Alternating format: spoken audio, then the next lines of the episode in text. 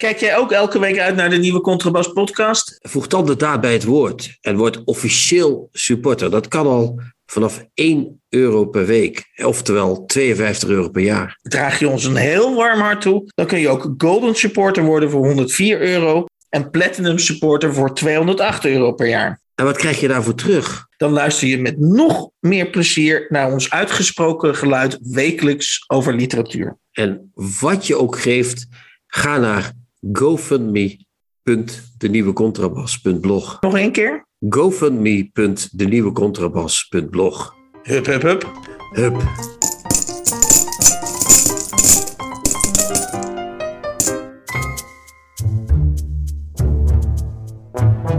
De nieuwe Contrabas.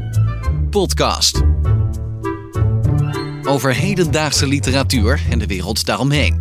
Met Chrétien Breukers, een elitaire Limburger. En Hans van Willigenburg, zomaar een Zuid-Hollander. 65, Ja, slingers, Hans. een jubileum. Ja, alweer een jubileum. Hoeveel jubileums hebben we al niet gehad eh, in de podcast? Vijfde aflevering, tiende aflevering, Ja, joh. twaalf en een halfste aflevering. Ja. Maar het is Ehm, leuk. We hebben maar gaan we eens even.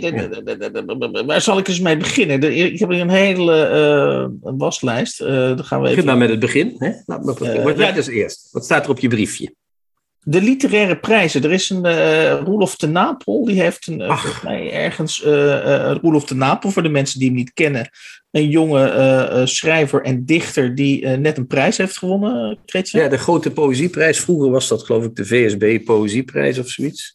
Oké. Een grote poëzieprijs met een dichtbundel waarvan ik de titel niet weet. Dus het heeft diepe indruk gemaakt, kan ik wel Ja, zeggen. Eh, En, ja. en Roelof de Napel, dat, dat is natuurlijk eh, eh, het, het, het, het mooie aan, aan de schrijver van een nieuwe generatie. Ze zijn niet alleen dichter eh, of, schrijver, maar ze, eh, het, hele pakket eromheen, dat hebben ze ook, zeg maar, eh, dat nemen ze ook. eh, eh, Het zijn ook marketingdeskundigen, hè? Zijn er ook een beetje. Ja, dus Roelof de heeft zich, alleen, Ja. heeft, heeft zich niet alleen bezig gehouden met het in ontvangst nemen, het buitengewoon eervolle in ontvangst nemen van die grote poëzieprijs. Hij dacht bij zichzelf, ja, eh, als, ik, als ik niet in alle kranten kom of als dat niet wordt opgemerkt, ja, wat heeft het dan voor zin? Het is leuk dat ik ook een bedrag erbij krijg, maar wat heeft het dan voor zin eh, dat ik die prijs ontvangen heb? En dus eh, klom, klom hij in de pen of klom hij in zijn laptop, in dit geval waarschijnlijk, en schreef hij een stuk over dat literaire prijzen eigenlijk niks voorstellen of geen zin, bijna zei hij, ze hebben geen zin.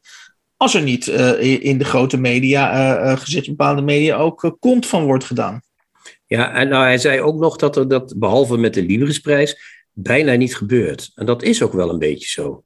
Maar hij vergat er wel bij te zetten dat er op dit moment zoveel prijzen zijn, dat je als krant op een gegeven moment ook niet meer precies weet wanneer het voorbij is, toch? Of wel?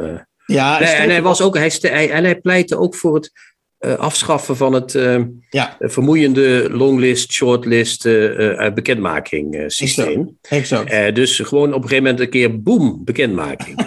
ja, nou, ook leuk natuurlijk. Maar dat willen al die partijen die gesponsord worden natuurlijk niet, want die willen zoveel mogelijk exposure. Dus die gaan niet alleen maar een. dus ik denk dat hij wel, is wel een marketingdeskundige, onze Roelof, maar nog niet helemaal doorkneed in het marketingaspect. ja daarvan. dus eh, even samenvattend, dat iedereen het begrijpt. Eh, de sponsors van veel literaire prijzen die doen er juist, juist alles aan om het te rekken. Om Ja. alles een beetje in, in fases op te delen. Dat iedereen aan de beurt komt. Dat iedereen zijn, zijn shine momentje kan meenemen. En Roelof de Napel zegt eigenlijk ja. Eh, dat zijn dan al zoveel shine momentjes in de tussentijd. Dat als die prijs daadwerkelijk wordt uitge- uitgereikt. Dat niemand meer geïnteresseerd is om er iets over te publiceren. En dat moet inderdaad vervangen worden. Dat zeg je heel goed, Kretje. Door één, één, één eh, eh, atoombom. Namelijk de naam wordt bekendgemaakt. En bam, ja, wat dan? Is er, dan is er groot feest. Ja, dan, dan, Ja, dan, maar dan heb je dus veel minder momenten in de pers. En ik, ik denk, ik kan de pers niet helemaal beoordelen, maar ik denk als er nog minder momenten komen, dat er dan op een gegeven moment helemaal niemand meer naar die prijs omkijkt. Dat ze dan denken, nou, die, we, we lezen die bekendmaking wel eens een keer ergens. En dan, eh, dus ik denk dat Roelof hier toch een eh, voorstel doet waar hij zijn eigen komende exposure mee om zeep helpt. eh. ja, en, en, Maar er en- zouden wel minder prijzen kunnen komen, dat denk ik wel. Nou ja, dat was, dat was eigenlijk, ehm, en daar was je het volgens mij mee eens. er zijn wat reacties gekomen, onder andere van Wilma Drek, eh, de hoofdboekenbijlage van de Volkskrant, en van, eh, help me even, die, die hoofdboeken van de NRC. Eh, Thomas de Veen, onze vriend. Nee, nee, nee. Dat, hoe Krielaars, Krielaars. Michel Krielaars, ja. Die, die hebben een officiële reactie gegeven op dat schrijven van Roelof de Napel. En Wilma, de strekking van wat Wilma de Rek zei was inderdaad, ja, sorry. eh, Nou ja, ik zeg het nu even in mijn eigen woorden. Dat, eh, zo zijn Wilma de Rek het niet. Maar inderdaad zo van, als jullie elkaar allemaal prijzen willen geven, ja, mijn zegen heb je. Maar dan moet je niet van de Volkskrant verwachten dat we het allemaal gaan publiceren. Nou, daar ben ik het wel mee eens. Ik, mijn eh, credo is ook, eh, prijzennieuws is geen nieuws. Dus daar heeft Wilma de Rek wel een punt. Wat Ja. zei Krielaars eigenlijk? Dat weet ik niet meer, dat ben ik vergeten. Nee, ik, ben, ik, ben, ik denk dat we- het feit dat we het vergeten zijn, geeft waarschijnlijk al aan. eh, ik denk dat hij in een aantal welgekozen zinnen een heel nu genuanceerd standpunt uiteenzet. Denk je niet? dat denk dat- ik wel. Hem, Ja. hem kennende heeft hij dat ongetwijfeld gedaan. Vijf sterren, hè? Denk ik, voor zijn oordeel. Ja. Nou, dan, Voort. eh, oh Ja, nee, dan dat mag, ik, mag dan, dan- dan, nee, mag ik niet zeggen. ja, Oké, maar dan wordt het en toen en toen wordt het dan. Ja. Nee, ehm, we gaan over naar ehm Ilfu. Eh, dat gaan we nu nog niet uitgebreid behandelen, maar ik vind het toch wel eh, vermeldenswaardig dat het feit dat wij vorige week een, beetje zijn uitgevaren, jij in het bijzonder en ik in jouw slipstream ook een beetje, dat we eh, het, de, zin van, van brieven of eh, boeken adviseren aan ministers. Ja. Eh, daar heb, dat via het wij- ILFU, hè, via de Utrechtse Literatuurfestival. Ja. ja, die hebben dus een project waarin schrijvers ministers aanschrijven en ze dan een boek gaan adviseren. Om dan ook met als doel, ja, het is een hele mond vol. Ik krijg, Be- beleidsverandering, denk ik, of niet? De beleidsverandering komt dan in twee- 2030 of zo. Ja, ik weet Ja, het ook niet. ik hoe denk in dat werkt. 2050, als ik het heb over tegenwoordig. maar goed, het idee, het idee is dus dat, eh, dat schrijvers, eh, ministers, brieven schrijven en dan eh, al- als extra, als PSje of nou ja, misschien zelfs als hoofdmoot een, eh, een literatuurtip geven.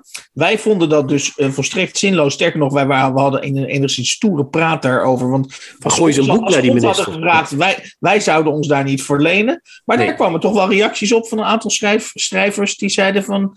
Ja, ik zou dat toch wel doen en wij vinden dat toch wel heel erg nuttig. Ja, dat waren Amy Koopman en eh, Leonieke Barwald. de Twee Ja. vriendinnen van de show, mag ik wel zeggen.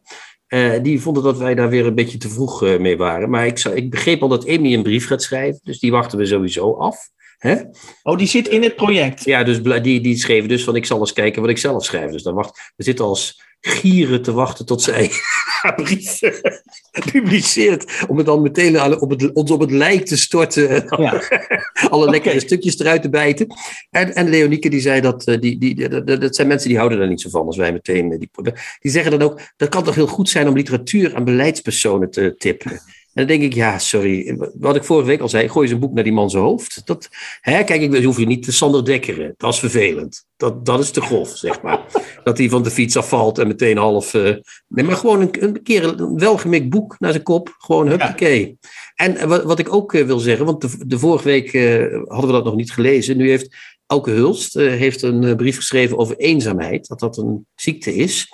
En dat is ook zo. Er wordt, in de coronatijd zijn er meer mensen eenzaam geworden. Eh, en dat is natuurlijk waar, maar dat gezemel tegen de minister, alsof die man daar de hele dag aan kan gaan denken, weet je wel. Het is, het, eh, het, is ook van een. Schrijvers lijden soms aan zelfoverschatting. Dan denk ik, jongens, eh, je, je kunt wel overal een mening over hebben, maar schrijf maar gewoon een leuk boek. Ja, het heeft natuurlijk een hoog Ja. baat het niet, dan schaadt het niet. Gewoon tenminste voor veel mensen die dan zeggen, maar ja, waarom het is ook- waar het is van- jullie je maar- druk over? Maar Hans, ga jij eens naar. Kijk, je krijgt een opdracht van het ILFU, prima. Eh, en dan zeggen ze: jij moet eh, de minister gaan vertellen wat hij moet veranderen en wat voor boek hij daarbij moet lezen. Het, het is toch al van een grenzeloze. Dan moet je toch al van een grenzeloze arrogantie zijn als je denkt dat je zo'n minister. Trouwens, niet alleen van een grenzeloze arrogantie. Ik vind ministers over het algemeen geen leuke mensen. Ik wil die helemaal geen boek aanraden. Daar wil ik helemaal niks mee te maken hebben. Dus Mhm. bij mij zit het anders. Maar dan nog, als je het gaat doen, moet je toch denken: ja, ik ben zo belangrijk dat ik dat. Als ik dat zeg, dat zo iemand gaat zeggen: nou, dan stellen we een commissie in. Want dat betekent overigens dat het twintig jaar gaat duren voordat er iets gebeurt. En dan gaan we dat eens onderzoeken. Ja, ik vind het echt. Nou ja, we hebben het er nog over als het helemaal compleet is. En dan gaan we dus. dat, dat, dat het, vertrouwen tussen jou en, en Den Haag, dat dat... eh, dat, Dat is wel, er zit een kloof. Maar er zit ook een zit kloof, kloof. tussen, er zit ook een kloof tussen mij en sommige van die schrijvers. Maar die hebben, we hebben al gezegd dat we ze een keer in de podcast uitnodigen. een dan land hangen van we de slingers. We zijn een land ze- van kloven, jongens. Ja. Onze kloof gaan we bespreken dan. En dan hangen we slingers op, kopje thee erbij. Gezellig.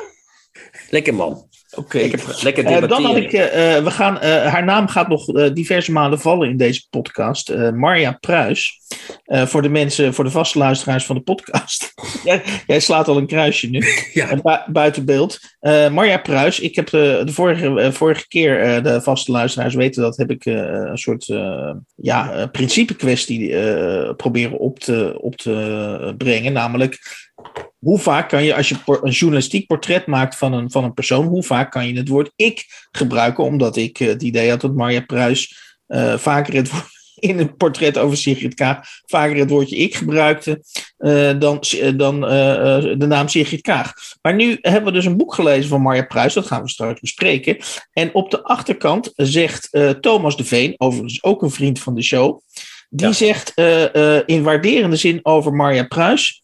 Als Marja Pruis in de spiegel kijkt, ziet ze niet alleen zichzelf, maar ook de mens. Dus met andere woorden, uh, een deel van de puzzel of een deel van de aanklacht is dus door Thomas de Veen onschadelijk gemaakt. Als Marja Pruis schrijft ik, dan heeft ze het dus niet over Marja Pruis, maar dan heeft ze het over de mens. Ja, en uh, ik heb ook begrepen in recensies van en interviews uh, van dit boek, Boos Meisje heet het, en in interviews met de auteur dat Marja Pruis is de meester van het persoonlijke essay. Ja. Ik vrees dat het gebruik van het woord ik daar ook iets mee te maken heeft, ben ik bang. Ja. Nu begin ik zelf ook al ik te zeggen de hele tijd. Nou, maar we gaan uh, Marja Pruis zo bespreken, dus we laten dit nu even rusten, dit onderwerp. Ja, dat gaan we even doen, maar we pakken dat dadelijk op. Ja. Tips van de week. Boeken, artikelen of pamfletten die boven het maaiveld uitsteken we bevinden ons nog steeds uh, ja, in, in de naweeën van onze uh, leesvakantie of onze meivakantie. Het is inmiddels juni. Maar dat betekent dat zich een aantal boeken hebben opgehoopt. Dat wil zeggen dat we uh, deze week, net als vorige week, in plaats van twee, drie boeken gaan bespreken. En het eerste ja. boek dat we gaan bespreken is van Nadia de Vries. Ze is geboren in 1991, dus ze is nog een vrij jonge schrijfster. En ze is als romancier gedebuteerd nu bij uitgeverij Pluim uh, met De Bakvis. Nou, het is volgens mij het tweede, tweede roman, want ik heb ook een boekje dat heet Kleinzeer. Oké. Het is wel een soort, dat is wel een kleine roman, dat zou je ook autobiografisch proza kunnen noemen. En ze heeft ook nog twee Engelse dichtbundels gepubliceerd in het Engels. Oké. Dus is, ja, het, is, het zou, je zou de roman kunnen noemen. Het heet De Bakvis, ja. Mooi woord, hè? Ouderwets woord. De, de bakvis, ja, ja, ja. Maar goed. Uh, wat zullen we, wat we, jij gaat vertellen waar de boek over gaat. elkaar met alle egaars het woord. Uh, jij, jij bent hier aan de... Nee, jij mag nu. Deze keer. Ik mag nu, oké. Deze bakvis die schuif ik even door. Nadia de Vries met de bakvis. Um, ik begon te lezen, zoals ik altijd uh, voor, begin te lezen. Natuurlijk, je moet uh, bij bladzijde 9 beginnen, in dit geval.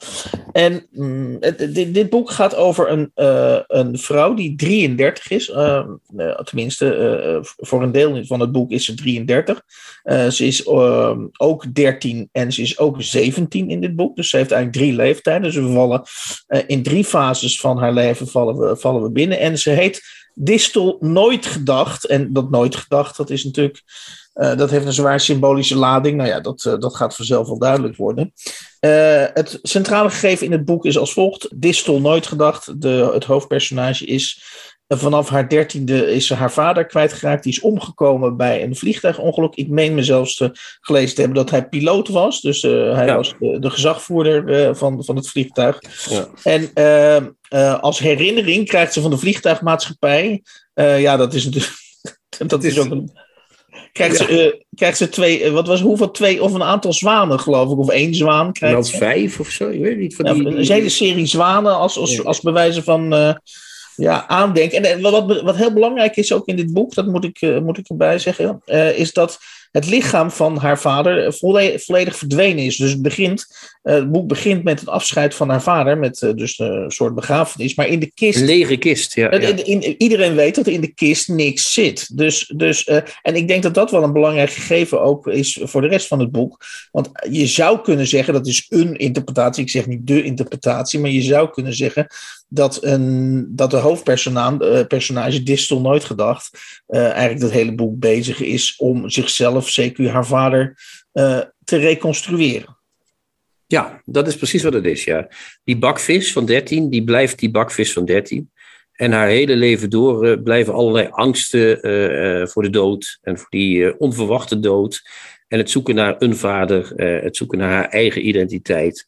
wie ben ik, wat is een vrouw, et cetera, blijven, komen daaruit naar voren. Dat klinkt een beetje therapeutisch als ik het zo zeg.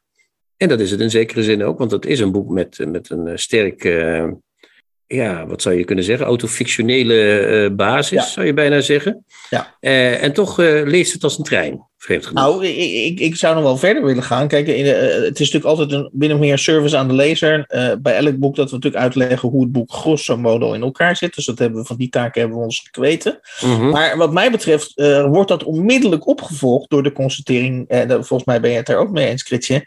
Ja, dat ze af en toe echt geweldige passages in dit boek ja, staan. En als, ik zeg, en als ik zeg geweldig, dan, dan, dan, dan bedoel ik dat ik normaal bij, bij sommige passages streepjes zet. Of op pennenstreken. Maar hier heb ik er echt met uitroeptekens heb ik echt een paar dingen aangeschreven. Ja, ik, wil er graag eentje horen die jij leuk vond. Ja, ja, ik, ik, ik, dan ga ik naar pagina 39.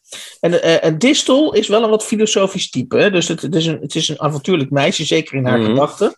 En uh, dus ze, denkt, uh, dit boek moet je dus niet lezen om een soort chronologische volgorde of een soort hoe done het of een soort sterke plotlijn. Nee, dit boek moet je lezen omdat deze, dit meisje, deze bakvis, ja, waanzinnige gedachten en ideeën en, en, en, en dagdromerijen heeft. Nou, pagina 39, let op. De macht van een pubermeisje lijkt gering omdat haar stem nog zo hoog is en haar gedaante smal. Ondertussen bepaalt ze, zonder daar zelf erg in te hebben, de volgende stroombeweging van de consumptiemaatschappij. De concerten waarbij zij vooraan wil staan, de film waarbij zij zwijmelt. Met haar verlangens, met haar verlangens maakt ze veel volwassenen rijk. De taal die ze spreekt, de dansjes die ze zichzelf aanleert, haar gewoonten zullen haar tijdsgeest kenmerken. Haar kledingstijl zal een lemma krijgen in een encyclopedie. En het mooiste is dat niets van dit alles een voorbedachte handeling is. Elke keuze is totaal vreemd van strategie, totaal spontaan, oprecht. Haar impulsen dragen markten. Haar doodslaande keuzes worden haar vergeven. Ze heeft geen maatschappelijke verplichting om het altijd juist te hebben. Zolang ze een meisje is, is elke mislukking een dappere poging en elke voltreffer een teken van vroegrijpheid. Haar faalangst is koket. Iedereen weet dat het meisje het middelpunt van de tijd is, behalve het meisje zelf. Ja, dat is schitterend. En het is ook een samenvatting van het boek, inderdaad. Uh, dat, datzelfde, datzelfde meisje uh, gaat als ze 17 is, of niet? Nee, als ze 33 is, sorry. Gaat ze mhm. foto's, foto's van zichzelf uh, op internet zetten toen ze 17 was. Ja. dat mag je vertellen, want het staat ook op de achterflap. Ehm, daar doet ze eigenlijk hetzelfde. Hè? Daar gaat ze dus, eh, ze zet op een soort schimmige uh, uh, fotowebsite, waar mensen bij elkaar komen om hun foto's te delen. Zet ze foto's van zichzelf als 17-jarig naakt meisje. Nou, zij ziet dat helemaal niet als iets raars. Zij, is, zij wil gewoon laten zien, ik, ik ben nu ik ben 33, ik ben een hele zoektocht heb ik achter de rug. Ik heb markten gedragen, om het met het vorige citaat te zeggen. Ja, mooi is dat. Ik, ik heb markten gedragen. En dan nu ga ik mijn eigen zelf van 17 laten zien. Maar dat ontketent een gruwelijke reactie. Uh, dat is het, de, de aanjager voor. Ze wordt door de politie achterna gezeten. Want die denken, daar zit een of andere gas, er zit iemand uh, kinderporno ja. te verspreiden. Maar ze raakt geestelijk ook enigszins van het paadje. Zoals je, mm -hmm. om het heel zachtjes uit te drukken. Ze komt er steeds maar niet uit, hè? Die, die, die distel, nooit gedacht. Die, die blijft maar rond, uh, in, in kringetjes ja. ronddraaien, eenzaam. Um, in die zin zou uh, ook Huls dat boek ook aan de minister hebben kunnen aanraden. Want het gaat over, een, eens, over een eenzaam iemand natuurlijk. Hè? Dat is het nou wel. Ja, Kijk, eh, op het gevaar af dat ik het nu weer te gezwollen maar, te gaan samenvatten. Maar juist omdat haar vader dus, oh, de, de vader, haar vader dus uh, in feite, de, de, de, ja, hoe moet ik het zeggen, dat die, die, is de aankeiler van het hele boek. En die heeft dus geen lichaam. Is natuurlijk, uh, is, is, ziet ze potentieel in alles om haar heen. En dat kunnen geluiden zijn, dat kunnen dus, dat kunnen passages zijn of voorwerpen. Ze heeft dus eigenlijk geen, je moet het omdraaien. Ze heeft dus eigenlijk geen reden om aan te nemen dat haar vader niet, waar ze naar op zoek is natuurlijk, eh, onbewust of onbewust, die kan in alles zitten. Dus, dus, dus, dus, dus, dat is. En dus is hij nergens. En dat is het. En het zit, ja. uiteindelijk zit hij in die zwanen, die KLM-zwanen. Daar, daar, daar, en dat is, daar hoort ze iets in, hè? Daar gaat ze kapot gooien. En als ze niet uh, geestelijk niet helemaal goed meer is, dan, dan moeten die dat ontgelden. Maar daar, zit ook, daar zit ook niks in. Het is bijna een soort religieus iets. Er zit niks in het niks, weet je wel. Zo, het is exact, exact. En, en ik, ja. En ik heb het, uh, je weet, ik, ik, ik ben daar ook open in. Ik, ik probeer dan bepaalde typeringen schrijf ik dan maar even op. Dat ik denk, nou, dan, zo is het op mij overgekomen. En ik vind haar zo goed schrijven. De, eh, eh, en dat mag op de tweede, eh, als er een tweede druk komt, dan mogen ze dat overnemen. Ik vind haar zo goed schrijven dat het plotlijn in dit geval me ook inderdaad eigenlijk totaal niet meer interesseert. Omdat ik, omdat ik inderdaad gegrepen word door dat proza. En ik ga nog één passage voorlezen, als dat mag. Ja, en dat is op pagina 63. In de bus nam ik plaats bij de stoel waar de noodhamer hing. Je weet maar nooit wanneer je de noodhamer nodig hebt. En wanneer het moment zich aandient, wil je goed zitten. Een gevoel van veiligheid is een belangrijk onderdeel van de innerlijke vooruitgang. Als je je bedreigd voelt, worden je gedachten een kooi die je klein houdt.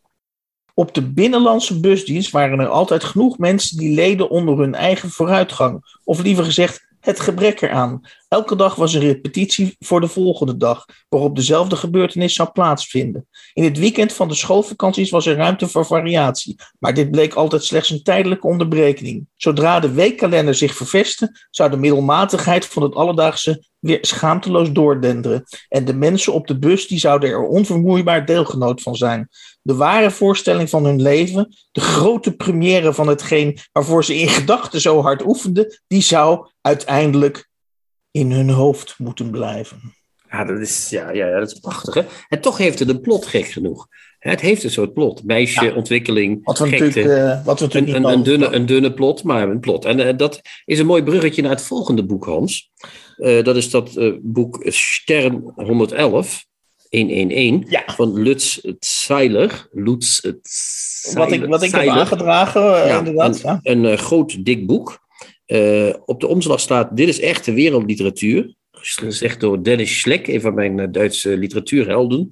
Eh, dat is een beetje overdreven, heb ik het idee. Maar goed, we weten het niet. Ehm, wat ik wilde zeggen is: dat boek lijkt een hele sterke plot te hebben.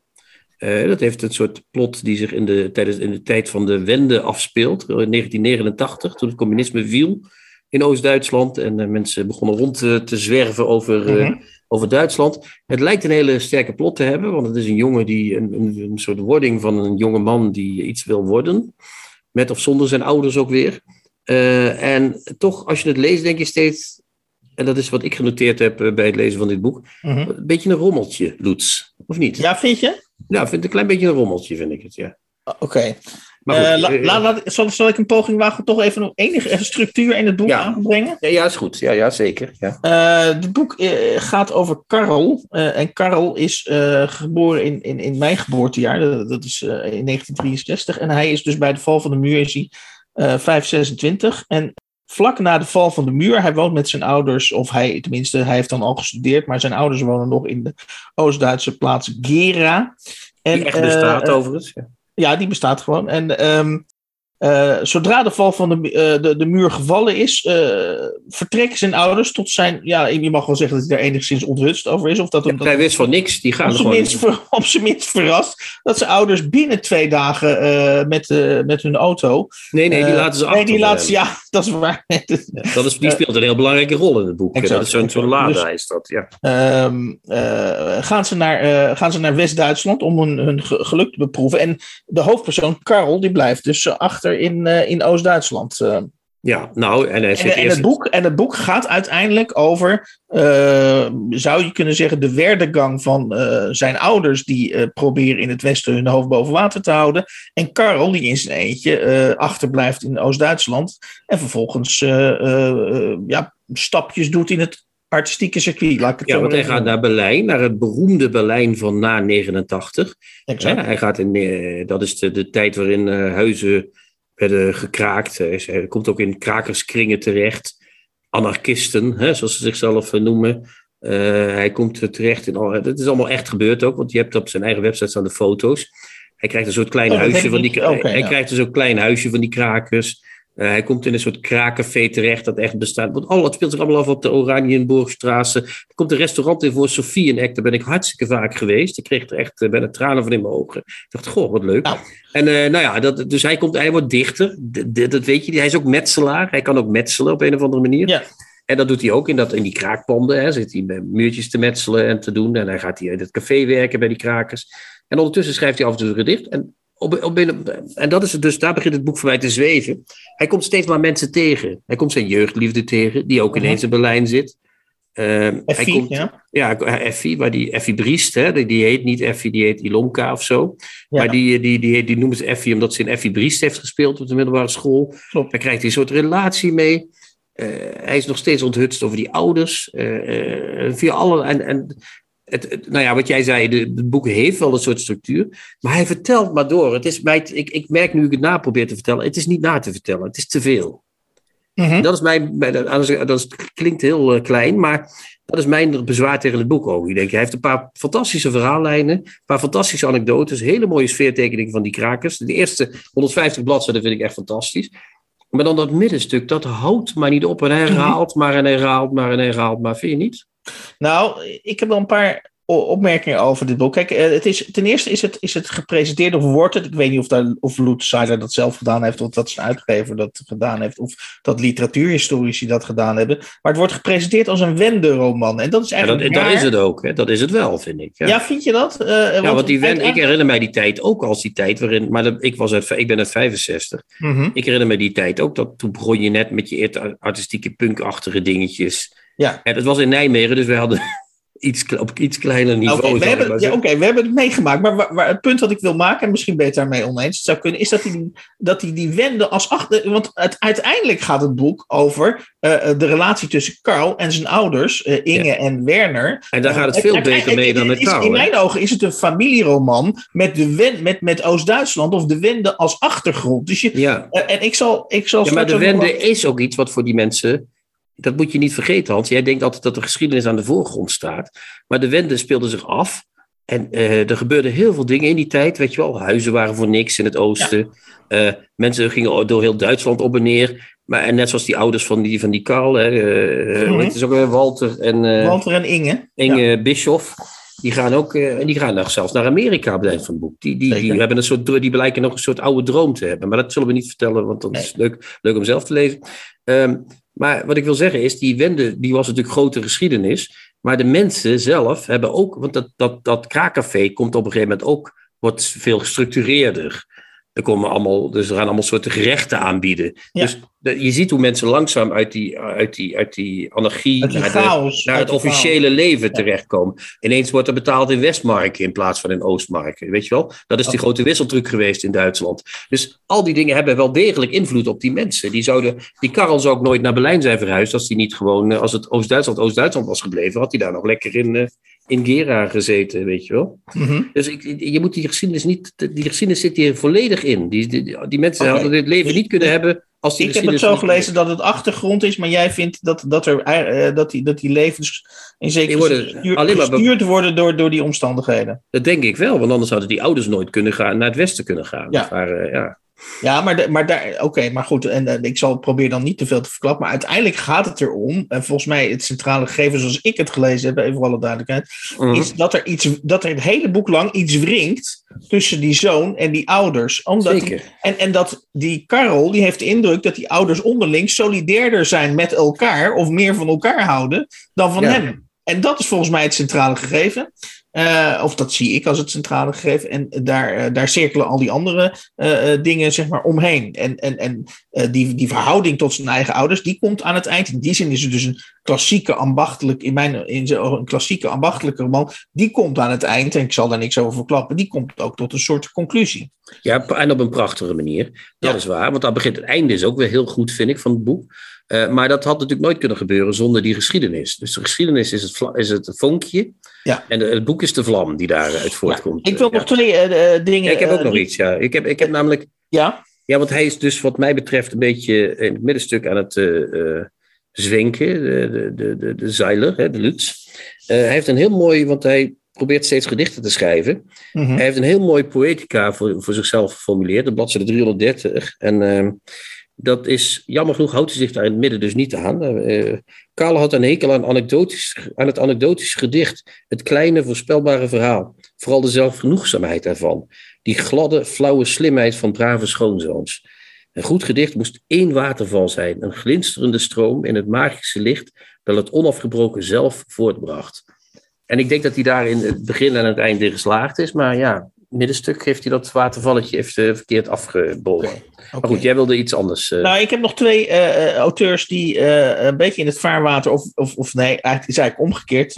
Lutz Seiler zit in het vaarwater van die twee andere auteurs. Eén auteur, die ken jij vast ook wel, Ingo Schulze. Eh, Ja. eh, eh, eigenlijk een schrijver die ook eh, een aantal romans heeft eh, geschreven, of, of eh, verhalen over die wendentijd. Ehm, eh, waarvan Nieuwe Levens, eh, wat mij betreft, zijn absolute meesterwerk is. En daar zie je dus ehm, veel meer, vind ik, dan in, bij Lutz Seiler, hoe karakters van mensen onder invloed van die, van die, van die overgang naar het kapitalisme eh, beïnvloed worden. Eh, eh, en en dat, is, dat wordt daar dus veel harder uitgewerkt door Ingo Schulze dan door Lutz Seiler, waar, waar de meeste personages toch wat, ja, wat, wat eh, hoe, zeg je dat, in de artistieke scene zitten en ze blijven van gedichten houden of ze blijven van toneel houden. Alleen de omstandigheden, wat ik net zei, die veranderen eh, langzaam. En er is nog een andere auteur die ik wil noemen.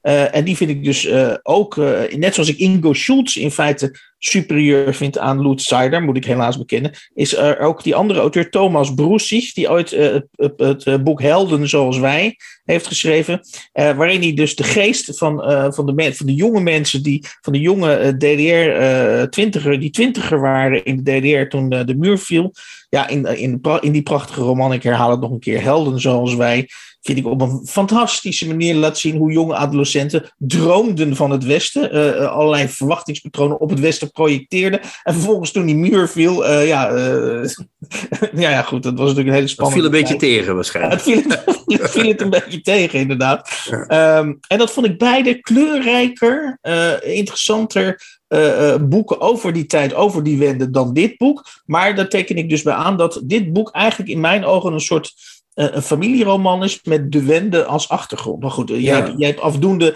geargumenteerd waarom jij dat, daar anders naar kijkt. Nou, nee, ik, ik, ja, ik snap dat het een familieroman is, ben ik helemaal met je eens.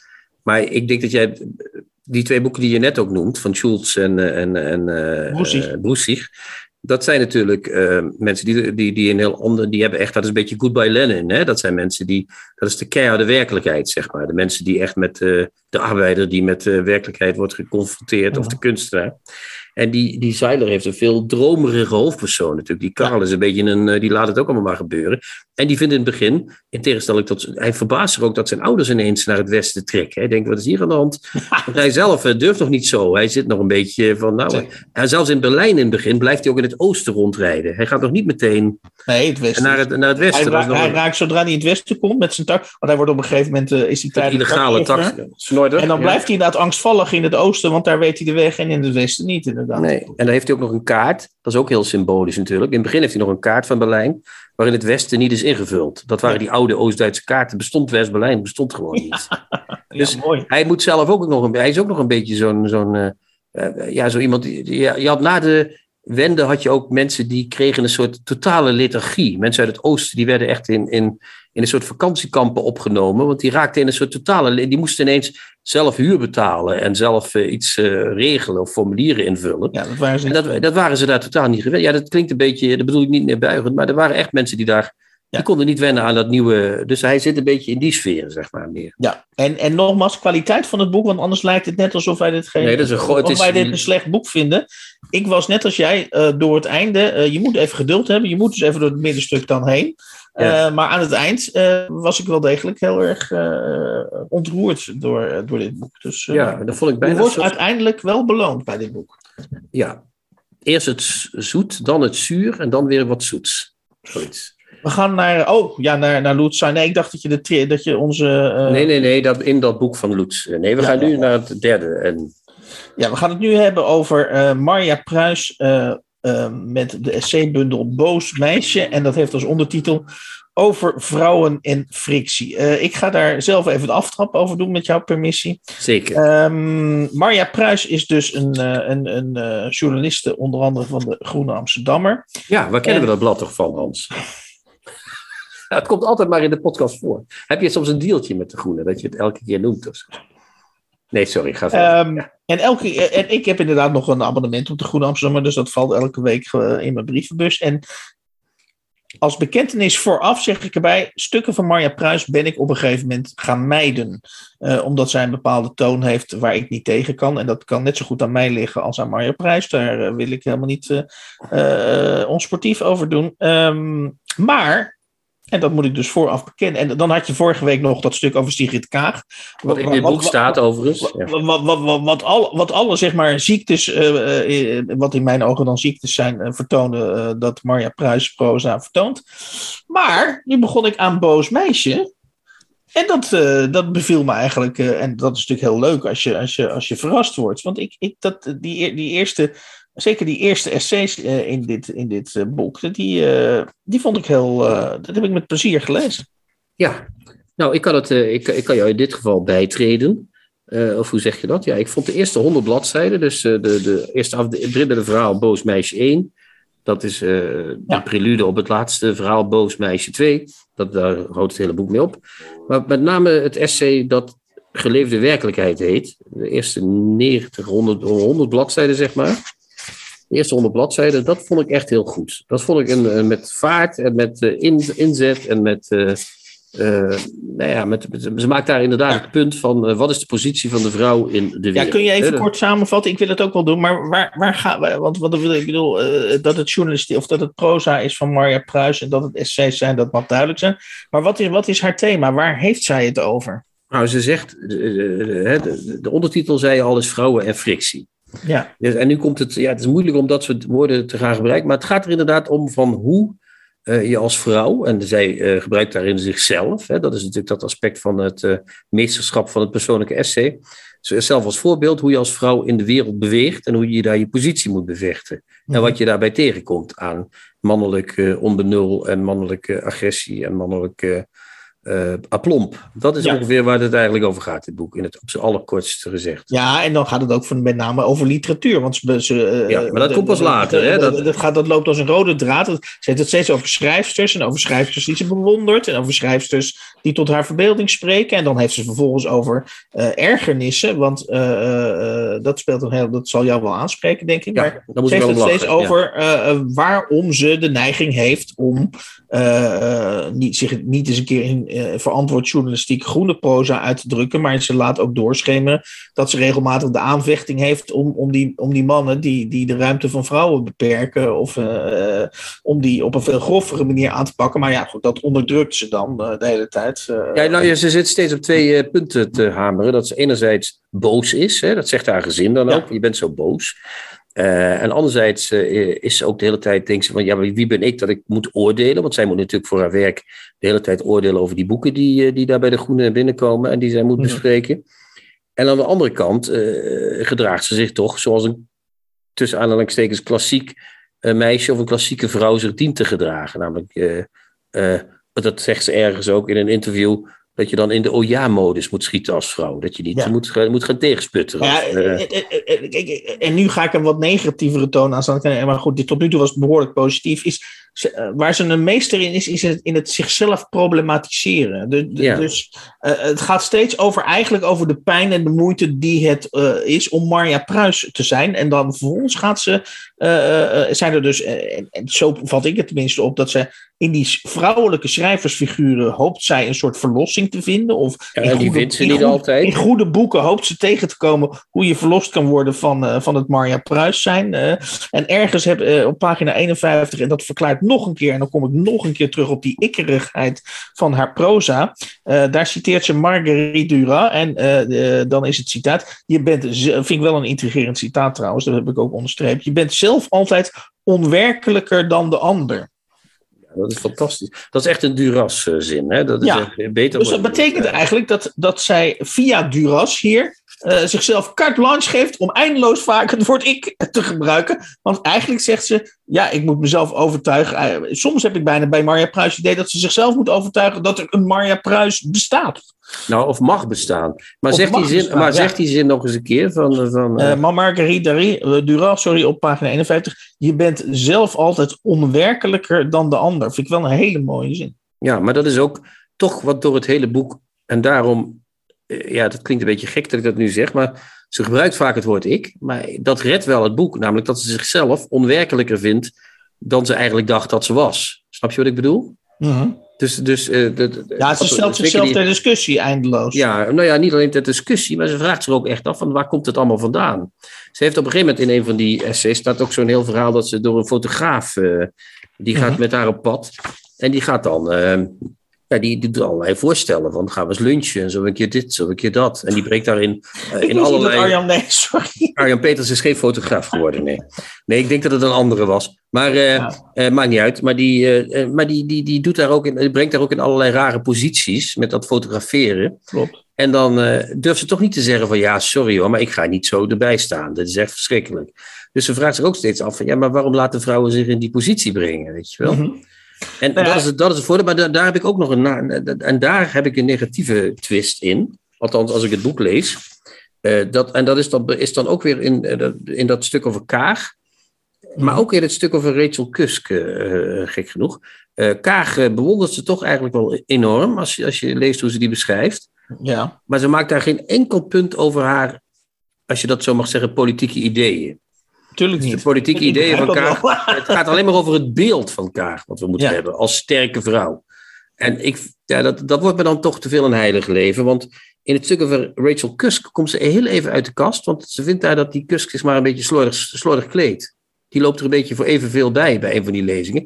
En dat krijgt toch even een klein eh, tikje. Dan denk ik, Ja, dan, zijn, dan zijn de zusters toch niet altijd even zo solidair als ze zichzelf... eh, Ja, ja, ja, Dat, valt me ook, dat valt me enorm op. Is dat als ze een. eh, nou ja, ze, ze ontmoet schrijvers. al was het maar omdat ze ze soms interviewt of spreekt. Of Ja. op dezelfde. En ze zegt ook weer tegelijkertijd dat dat heel moeilijk is. Dus ook dat problematiseert dan- ze weer. Precies, en dan, dan wijdt ze behoorlijk veel, veel uit. Dat valt mij op over de, de, het uiterlijk van die vrouw. En, en, en, Ja, ook Nelly Kroes zelfs. Wordt ook, dat, ze, het- dat ze het raar vindt dat Nelly Kroes eh, eh, rimpeltjes heeft. Maar, maar mijn hemel, die vrouw is in de 70. ja. Het zou eerder raar zijn als ze geen rimpels had. Ja, Eh, dat, dat- dat dat- was hè, verbouwd. Ja. Al- Als u denkt, wat is die eh, Marja Pruis een, een hybride persoonlijkheid, dan, dan is hier min of meer het bewijs geleverd. Ik wilde nog een paar dingen eh, Ja, zeggen. ik, wil, ik wil trouwens wel nog... Sorry, voordat je Ja, de- ja, nee, ga maar. een paar dingen gaat doen. Ehm, is het wel een boek over vrouwen en frictie? Is het wel een boek over zo wat, is algemeen... jou, wat is het volgens jou dan? Wat is jouw alternatief? Ik zie het als een boek van iemand die eh, eh, redacteur bij De Groene is en een betrekkelijk eh, makkelijk leven heeft gehad in de literatuur en die nu ineens gaat problematiseren. Van ja, maar ik ben wel een vrouw, denk daarom mensen. Ik ben niet alleen... eh, dan volg je haar niet in de groene, want daar heeft ze het over niks anders dan dat ze vrouw is. En dat, eh, ja, nee, ik volg, ik heb geen abonnement. anders dan, eh, dan dat, nou ja. Ja, maar ik wil maar zeggen, ik, de buitenkant voor mij is, Marja Pruis heeft een schrijverscarrière, is, heeft een mooie positie bij De Groene. Als zij in een jury zit, dan nomineert ze haar mede Groene eh, redacteuren Joost de Vries en Kees het Hart. En Mhm. andersom, als Kees het Hart in de jury zit, wordt Marja Pruis. ge- Dus ze zit in een soort bubbel, zal ik maar zeggen. Ja, Die bubbel die is ook van, die hangt van, eh, van, eh, van, hoe heet dat tegenwoordig ook alweer? Dat, dat, je- privilege hebt op privilege aan elkaar. ja, van nepotisme bedoel je. Ja, nu doet ze net alsof zij als, als belangrijkste figuur van de Groenen en als spil in het literaire landschap in Nederland, doet ze ineens net alsof zij een soort, eh, soort eh, hondje is dat aan een, eh, bo- bos, aan een boom is vastgebonden. En die, die- dat nog losgelaten moet worden. Dat vind ik toch een beetje raar van dit boek, eerlijk gezegd. Oké.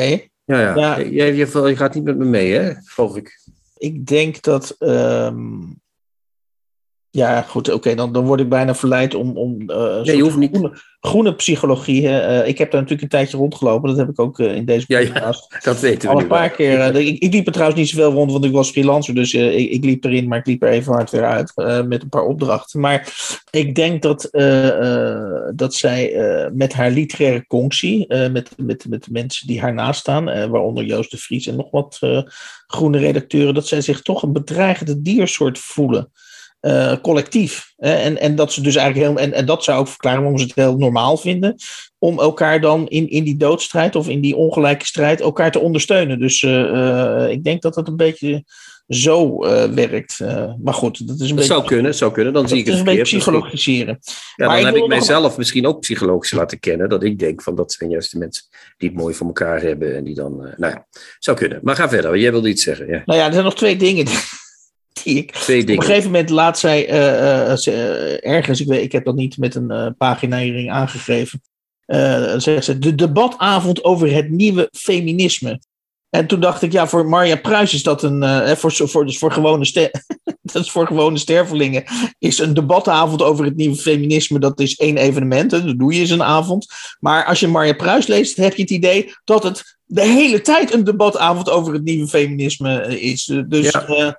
Uh, voor, ja, weet je, op een gegeven moment word je daar ook een beetje moe van. Dus ik, ik zie de kwaliteiten. Ik heb nogmaals, uh, zeker aan het begin, wat jij terecht zegt, de eerste honderd bladzijden, heb ik veel plezier ja, aan. Ja, echt. en dat vond ik ook met swing met echt heel goed ja, geschreven. Want absoluut. zij schrijft niet altijd even goed hoor. Nee. Zij heeft soms ook even een beetje houterige stijl, maar dit is echt met vaart en met panache gemaakt. Maar dan kom ik nu met de uitsmijter. Hoop ik dat, het, jij, dat jij het als een uitsmijter gaat en de luisteraar luisteraar het ook als een uitsmijter gaat zien.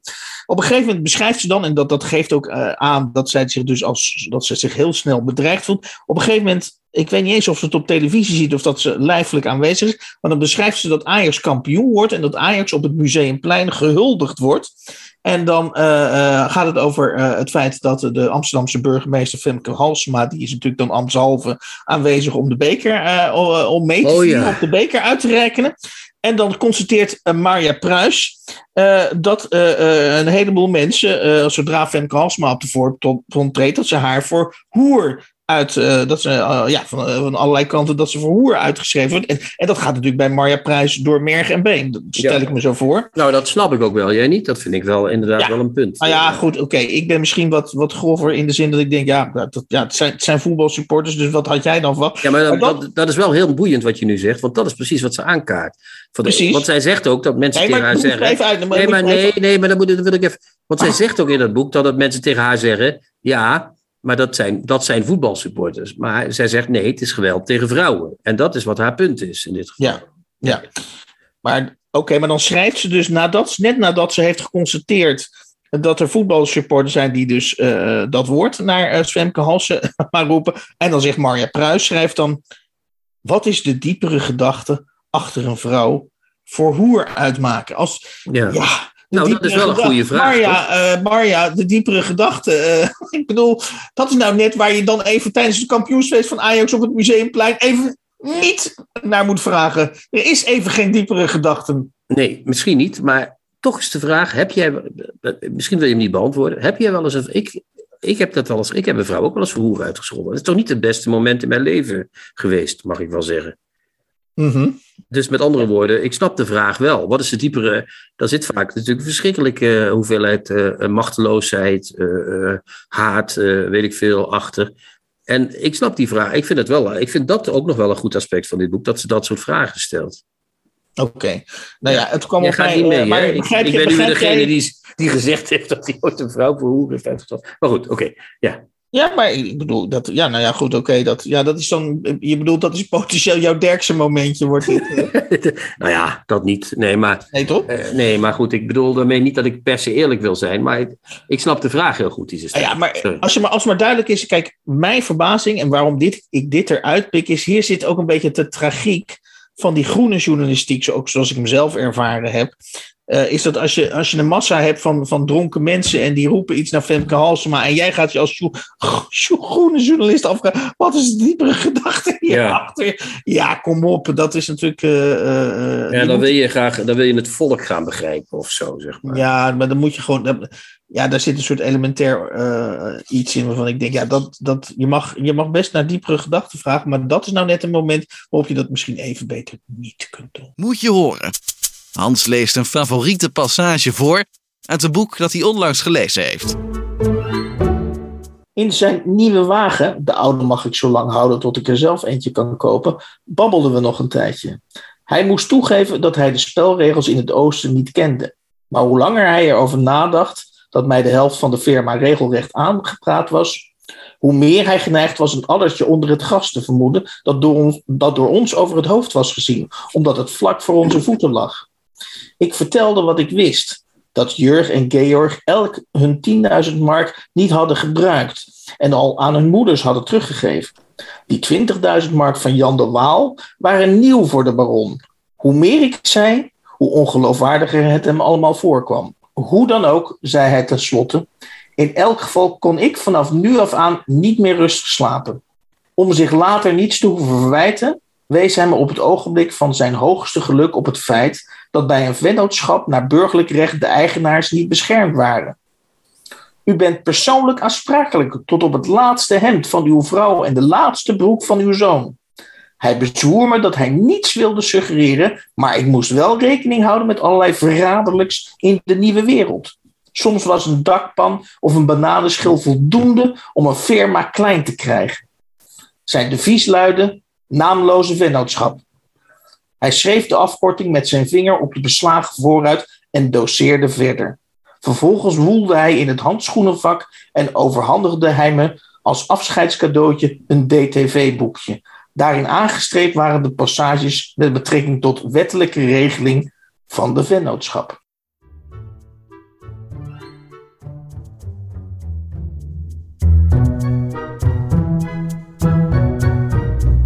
De nieuwe Contrabas. Podcast. In de 65e aflevering van de nieuwe Contrabas podcast uh, kwamen voorbij De Bakvis van uh, Nadia de Vries. Uh, uitgegeven door uitgeverij Pluim. Uitgegeven in 2022. Dan bespraken we het lijvige boek van Lutz Zeiler Stern 111. Uh, dat is trouwens een radio, hè? Wist precies, je ik wou net zeggen, dat hebben we nog niet eens meegenomen in de bespreking. Stern 111. Stern is inderdaad een radioapparaat. Uh, en wat voor een, heel mooi. Ja, ja uh, daarmee kon je dus de, de, de muur voordat hij gevallen was, in feite al, al slechten. Ja. Um, dat boek is vertaald door Herman Vinkers met, met een V en een CK. Uh, en is uitgegeven door Meridiaan Uitgevers in 2022. En dan hebben we natuurlijk besproken Marja Pruis uh, met haar essaybundel Boos Meisje over vrouwen en frictie. En dat is uitgegeven door Nijgen en van Ditmar eveneens in 2022. En dan had ik nog een, uh, een wat langer fragment waaruit ik voorlas. dat was een fragment over een uh, volgens mij, wat was het? Een naamloze vennootschap, volgens mij? Of was het... GmbH, denk ik, of niet? GmbH zal dat geweest zijn. Een Duitse, een Duitse naamloze vennootschap, ja. Precies. En uh, dat fragment wat ik voorlas, dat kwam uit uh, de, het, het, het, nog dikkere boek dan van Lutz Seiler, namelijk het wat mij betreft monumentale boek Nieuwe Levens van Ingo Schulze.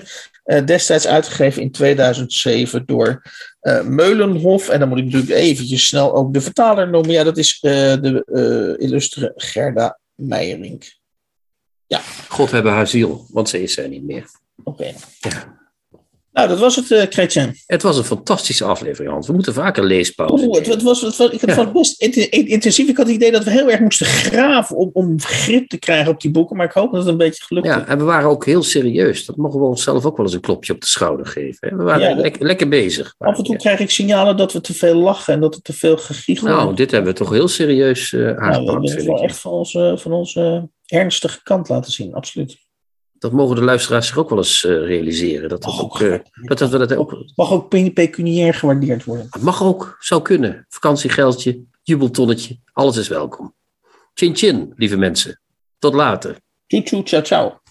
Ciao ciao ciao. Kijk jij ook elke week uit naar de nieuwe Contrabas podcast? Voeg dan de daad bij het woord en word officieel supporter. Dat kan al vanaf 1 euro per week, oftewel 52 euro per jaar. Draag je ons een heel warm hart toe, dan kun je ook Golden Supporter worden voor 104 euro en Platinum Supporter voor 208 euro per jaar. En wat krijg je daarvoor terug? Dan luister je met nog meer plezier naar ons uitgesproken geluid wekelijks over literatuur. En wat je ook geeft, ga naar gofundme.denieuwecontrabas.blog. Nog één keer? gofundme.denieuwecontrabas.blog. Hup, hup, hup.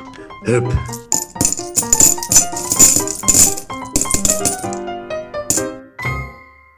De nieuwe Contrabas podcast wordt gemaakt door Chrétien Breukers, Hans van Willigenburg en Erik Lindenburg.